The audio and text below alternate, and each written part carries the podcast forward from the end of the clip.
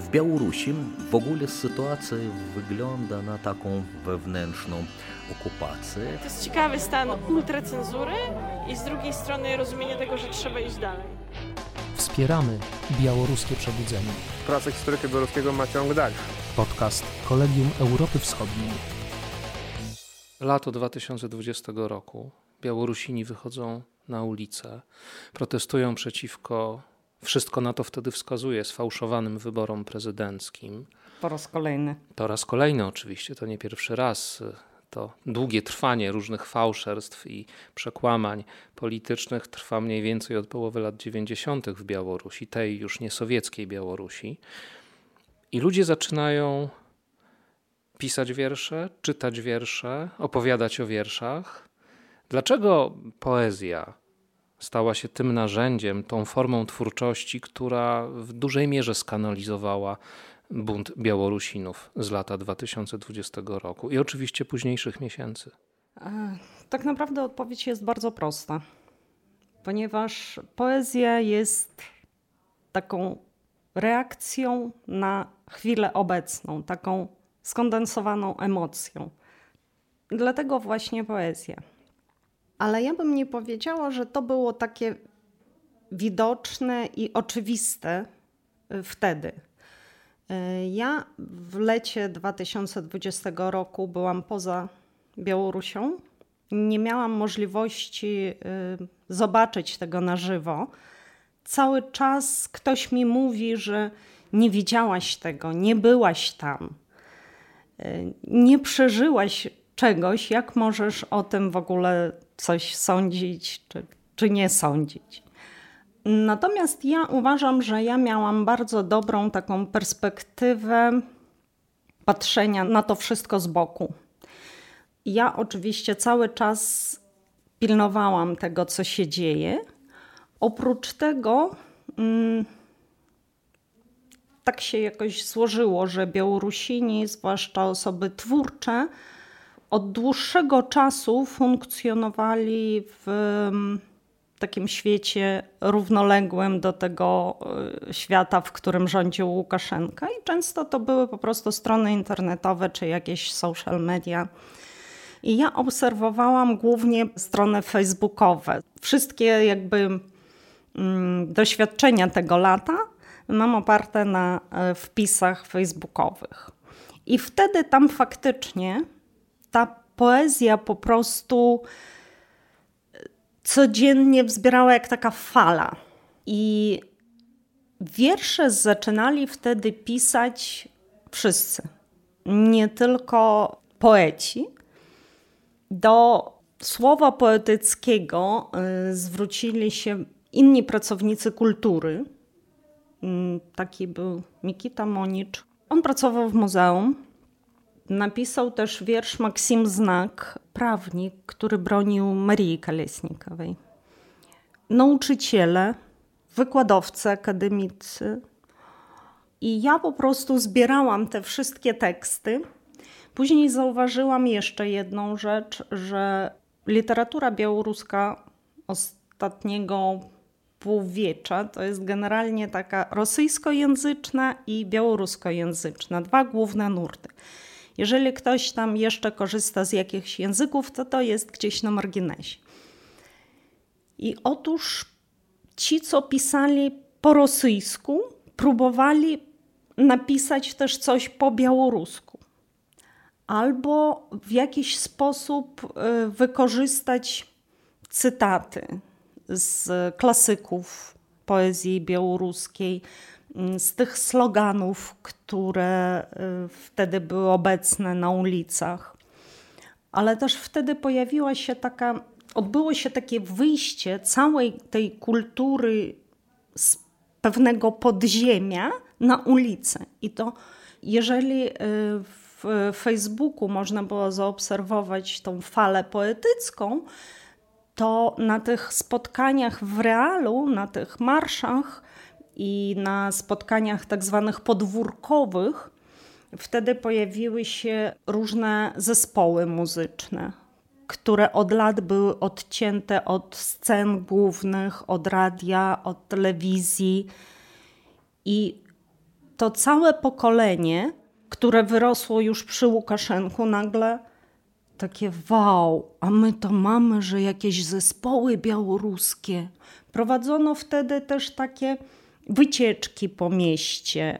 Y, historycy, czy też z tej branży turystycznej. Przewodnicy miejscy. Przewodnicy miejscy prowadzili takie wycieczki po nieznanym Mińsku, opowiadali o tym, jak Mińsk po wojnie był niszczony, że to wcale nie y, nazistowskie jakieś tam bomby zrujnowały y, Mińsk, tylko późniejsze władze sowieckie. Nawet to, co można było uratować, to nie zrobili tego. Y, też były takie różne tematyczne. Na jesieni akurat mamy 29 października taką noc bardzo tragiczną w historii kultury białoruskiej, kiedy jednej nocy było stracone ponad 100 osób związanych z nauką, kulturą, literaturą. I wtedy też odbywały się takie wycieczki, że poznajmy ten Mińsk nierozstrzelany, gdzie jakie miejsca pamiętają spotkania tych osób, e, które były stracone w latach 30., w tych czystkach stalinowskich. No jednym słowem był to zryw też tożsamościowy, nie tylko wolnościowy. Tak. Mm, myślę, że głębiej efekty właśnie w tym wymiarze tożsamościowym będziemy mogli ocenić dopiero za jakiś czas. Chciałbym jednak wrócić do tego mojego podstawowego pytania, czy może jest coś na rzeczy, kiedy mówi się, że Białorusini to jest naród poetów. Czasem to się mówi poważnie, czasem się mówi ironicznie ale może jednak w lecie i jesienią 2020 roku dostaliśmy autentyczny, prawdziwy dowód, że tak rzeczywiście jest i należy o tym mówić poważnie. E, też tak uważam, że jednak trzeba mówić o tym poważnie. E, właśnie dlatego zbierałam wtedy wszystkie te teksty, gromadziłam. Wtedy też napisałam artykuł o tych wszystkich tekstach i zapowiedziałam, że za jakiś czas zobaczymy taką potężną antologię tej poezji protestów lata 2020 roku, ale potoczyło się wszystko trochę inaczej. Wiele e, poetów, którzy wtedy zabierali głos, albo zlikwidowali swoje strony w Facebooku, albo poszli siedzieć, albo wyjechali na emigrację. Niektórzy pozostają jakby w polu publicznym i podziwiam ich za to, natomiast mam taki wewnętrzny opór, żeby wszędzie to nazwisko nagłaśniać. Też się boję, bo oni zostają w Białorusi i jak to się mówi, do nich mogą przyjść każdego dnia. Zaobserwowałam jeszcze wtedy taką ciekawą rzecz, że poeci, na przykład tłumacze z przede wszystkim krajów ościennych, ale też o wiele szerzej, znajomi poetów białoruskich, na bieżąco tłumaczyli te teksty poetyckie i też u siebie na stronach rozmieszczali te tłumaczenia. Taki potężny zryw odbył się po tym, jak został zatrzymany Dmitrij Strocew.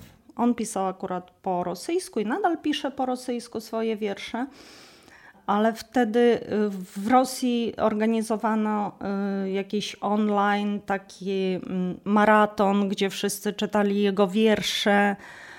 Y, sporo osób też tłumaczyło, i pokłosiem tego są już tomiki wierszy w różnych językach, te tłumaczeniowe, ale też właśnie Dmitrij Strocew, który po tym jak y, opuścił mury więzienne, wyemigrował, nawiązał współpracę z berlińskim wydawnictwem Hochro i wydał już całą serię takich cieniutkich, ale bardzo pięknych tomików tej poezji protestacyjnej, którą ja właśnie wtedy zbierałam.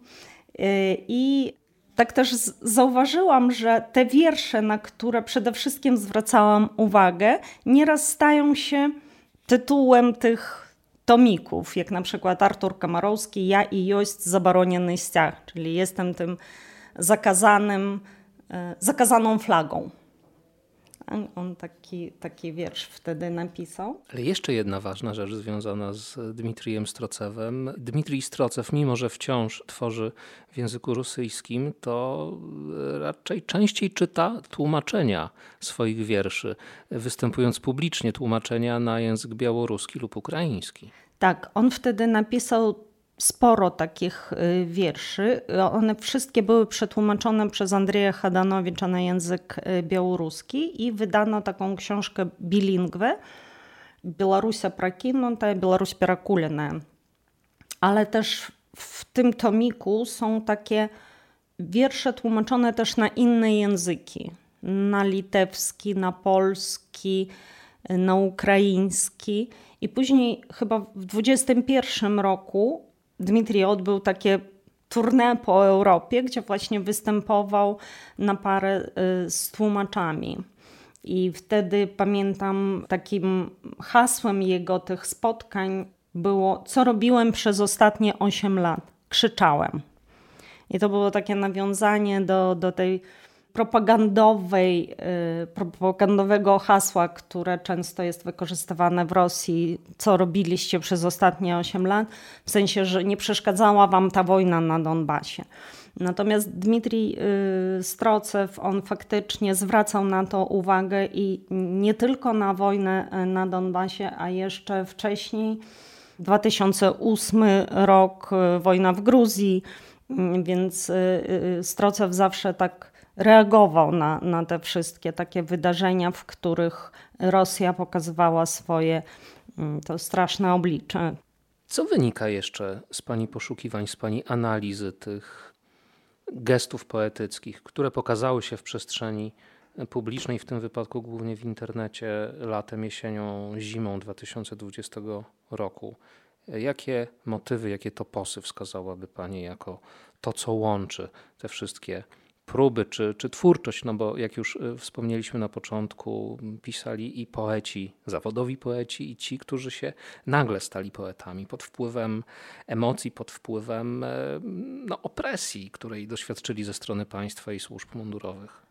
No przede wszystkim to hasło Żywie Białoruś, tak? Niech żyje Białoruś. To są słowa z e, wiersza e, Janki Kupały, naszego poety początku XX wieku, które wciąż aktualne, bo ta Białoruś nam tak obumiera od czasu do czasu. I odwołania do właśnie twórczości Kupały, do jego wiersza A któż tam idzie, a kto tam idzie. To też jest taki tekst unikalny, który jeszcze w Związku Radzieckim był przetłumaczony na coś tam około 80 różnych języków. Ale te takie właśnie cytaty pojawiały się też w twórczości białoruskich współczesnych poetów, odwołania do twórczości Kupały, Bagdanowicza i jego Pachoni, do twórczości Wasyla Bykawa. To jest dziwne, bo wtedy pojawiła się jakby taka, e, taki temat wojny jednak i pamiętam, że któryś z autorów napisał taki wiersz, po prostu ułożył taką rymowankę e, z tytułów utworów Bykawa. Też coś podobnego było y, związane z twórczością y, Władimira Karatkiewicza. Ale też bardzo mocnym akcentem tej poezji były lata 30., czyli te represje stalinowskie nie czekaliśmy, że powróci 37, ale do drzwi zapukał 2020. I to była taka wyraźna taka e, aluzja do tego, co się działo wtedy.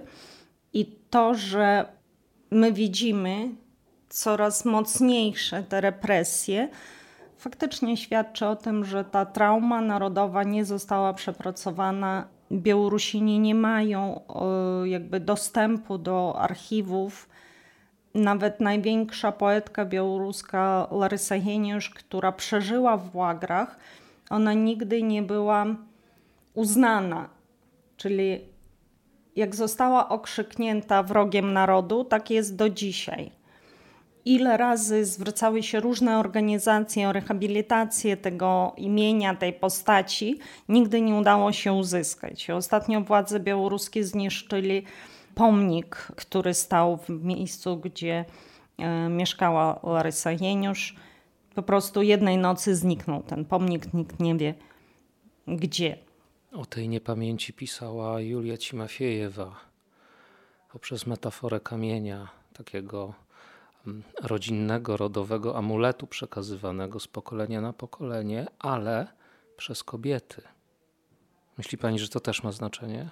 Jeżeli ma jakieś znaczenie, to chyba takie, że kobiety częściej pozostawały przy życiu. Te wszystkie wojny, represje i tak dalej y, najczęściej wyniszczały mężczyzn.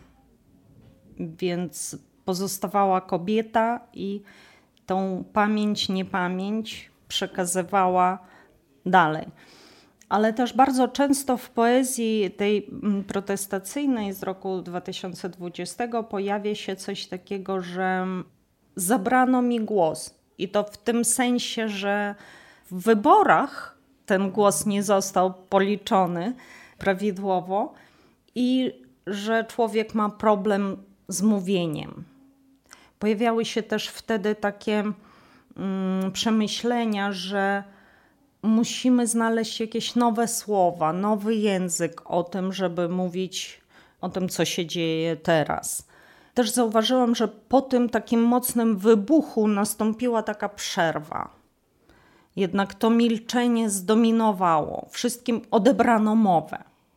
I teraz już obserwuję, że nawet te nowe tomiki, które pojawiają się, to bardzo często nie jest tylko poezja, ale wzmocniona jeszcze czymś. Takie książki, można by nawet było powiedzieć, hybrydy. Czyli książka Pobacz nas tych Kudasowej to jest współpraca poetki i artystki graficzki.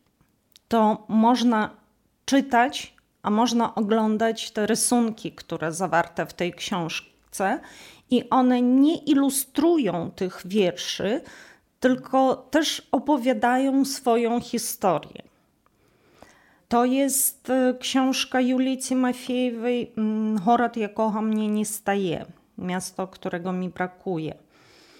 Tam obok siebie e, jakby znalazły się teksty poetyckie i zdjęcia z Mińska, za którym autorka tęskni. Kolejnym takim wytworem jest album Alesia Plotki, który właśnie wydał takie piękne wydanie Bluesland Białoruś Ukraina, czyli te krwawe ziemie. Tutaj pod jedną okładką są oryginalne wiersze Alesia Plotki. E, są zdjęcia e, białoruskich autorów z protestów białoruskich i są zdjęcia ukraińskich autorów e, z wojny. I też są tutaj tłumaczenia Alesy Plotki poezji ukraińskiej na język białoruski. Więc to jest wszystko razem i, i to tworzy już zupełnie inny jakiś utwór. Nie jest to taki stricte tomik poetycki. Różne media przemawiają do nas. I, I nie wiem z czego to wynika. Czy z tego, żeby uzupełnić tą opowieść o tym, co przeżywamy, czy czy z racji tego, że jednak odebrano mowy i, i brakuje słów, muszą poeci sięgać po jakieś inne środki wyrazu? Te obrazy są też bardzo silne, może nawet silniejsze niż mocne, publicystyczne w jakiejś mierze wiersze. Ale to, co pani powiedziała na temat y, nawiązań i do Janki Kupały, i do Władzimira Karatkiewicza, i do Wasyla Bykała wydaje mi się niesamowicie istotne. E, o Jance Kupale już e, wspomnieliśmy, że to jeden z najważniejszych twórców języka i literatury w historii kultury białoruskiej. Twórca, jeden z najważniejszich twórców tego literackiego języka białoruskiego, ale Karatkiewicz i Bykał, no to klasycy współczesności. No, XX wieku wieku, XX. Tak. Zresztą Wasyl Bykał stosunkowo niedawno też został bardzo szeroko opublikowany w Polsce w tłumaczeniach przez Kolegium Europy Wschodniej. To też w kontekście zwrotu ku głębszej, bardziej świadomej tożsamości białoruskiej ma znaczenie? To są. Czy jeszcze za wcześnie, to, to, to żeby odpowiadać na takie pytania? Mi się wydaje, że poeci po prostu przeczuwają, co się za chwilę wydarzy. Więc takie aluzje do twórczości Bykawa, które w całości były poświęcone jego utwory albo tematyce wojny i, i do tej takiej od podszewki, nie tej takiej hura patriotycznej, y, która była głównym nurtem w Związku Radzieckim, tylko o tym, jak człowiek codziennie stawał wobec jakiegoś wyboru. I to wyboru takiego moralnego. Czy on ma powiedzieć prawdę i wtedy kogoś zabiją, czy on ma skłamać i uratować komuś życie, czy on ma umrzeć sam i tym uratować innych. Te wszystkie teksty są bardzo ważne dla Białorusinów. Natomiast e, Władimir Karatkiewicz widzi mi się bardziej takim romantykiem literatury białoruskiej. On właściwie stworzył taką legendę narodu białoruskiego, który ma swoje korzenie gdzieś głęboko, głęboko w historii.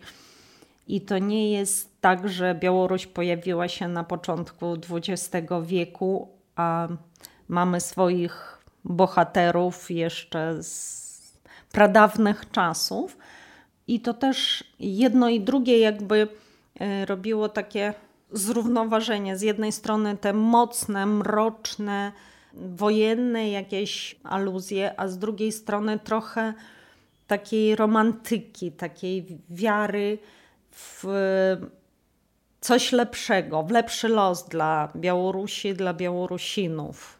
Ale niewątpliwie e, Białorusini e, obudzili się i nawet tutaj w Lublinie obserwuję, że coraz więcej osób chce coś przeczytać po białorusku, chce o tym rozmawiać. Mm, ludzie chcą się spotykać, chętnie przychodzą na jakieś lekcje o historii Białorusi i my już po raz któryś organizujemy tą noc y, nierozstrelanych poetów i coraz więcej przychodzi osób na takie spotkania ponieważ obserwuję to od 1995 roku, to widzę, że wtedy były bardzo aktywne jakieś takie stowarzyszenia studentów białoruskich, i dzisiaj widzę takie bardziej aktywne próby dowiedzieć się, y, zawalczyć o swoje, przyznać się, do, odzyskać tą swoją tożsamość. Jeszcze wrócę do lata i do jesieni 2020 roku. Czyj głos zidentyfikowałaby Pani, określiłaby Pani jako najdonośniejszy, najwyrazistszy, najmocniejszy? To znaczy, bardzo mocno i aktywnie wypowiadały się młode y, osoby. I wtedy można powiedzieć, odkryłam dla siebie kilka takich młodych poetów to była Kasia Joffe, Artur Kamarowski, Hanna Komar, Krystyna Banduryna. Jakoś tak wyliczam, widzę, że więcej jest jednak dziewczyn w, te, w tym pokoleniu. Wolga Złotnikowa.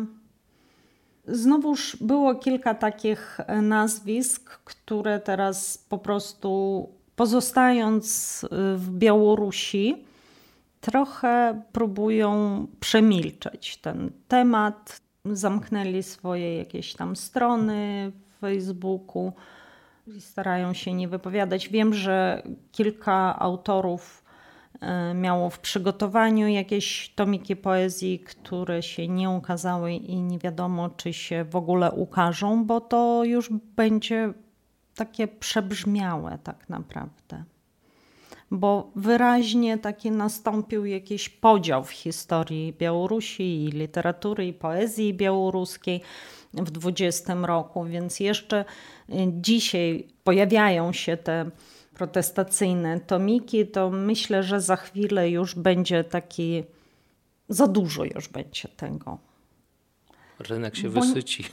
Nie chodzi o rynek, po prostu to, o czym często mówi na spotkaniach Halgerd Bacharewicz. Musimy też mówić o czymś innym. Przecież my nadal żyjemy i życie nie składa się tylko z jakąś tam e, swoją zgodą czy niezgodą z reżimem, tylko chce się pisać o jakichś o życiu i śmierci, o miłości, o takich wiecznych tematach, prawda? A no na razie, na razie nie mamy tego.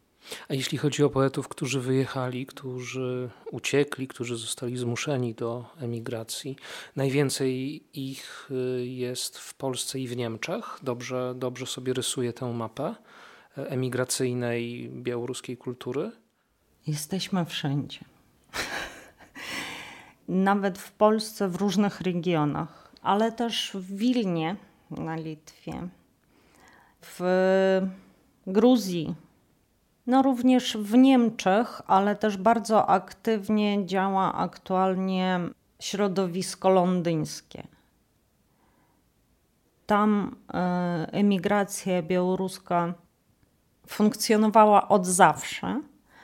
Tam jest taka biblioteka imienia Franciszka Skaryny. Przy tej bibliotece, przy tym centrum zorganizowano też wydawnictwo. Skaryna Press. I oni też wydają teraz e, literaturę białoruską oryginalną. Ostatnio ukazała się poezja właśnie Hanny Komar. Ja może jeszcze chciałabym wspomnieć takiego poetę, który się nazywa Sergiej Prylucki. On mieszka w Buczy. I tam została go wojna. Udało mu się żonę i syna wysłać na jakiś czas mm, za granicę i on przez ten bodajże rok czasu pisał takie listy do syna, e, też poetyckie. I to też są bardzo takie fajne e, teksty. Aktualnie rodzina się połączyła i nadal e, zostają w Buczy. Ja prowadzę studentom, mam taki kurs o związkach literackich, tłumaczeniowych białorusko-ukraińskich i zauważyłam, że właśnie w roku 20 to Ukraińcy jako pierwsi e, jakby wyciągnęli rękę e, do Białorusinów. Było bardzo dużo jakichś publikacji, tłumaczeń, też reportaży, esejów w tłumaczeniu na język ukraiński na różnych portalach, w czasopismach, ale też osobnych wydań książkowych. Tegoż Serhieja Prylucka e, wydano chyba w 21 roku i później, kiedy wybuchła wojna, jakby sytuacja się odwróciła i to Białorusini zaczęli tłumaczyć wojenną poezję mm, ukraińskich kolegów. Nie zawsze to się spotykało ze zrozumieniem. Nieraz na tej glebie jakby powstawały pewne konflikty e, związane z tym, że to z terytorium e, Białorusi rozpoczęła się inwazja. Ale mimo wszystko ja, ja to widzę jak jakieś nasze też takie dodatkowe misje, utrzymać mimo wszystko te związki, bo będzie bardzo ciężko.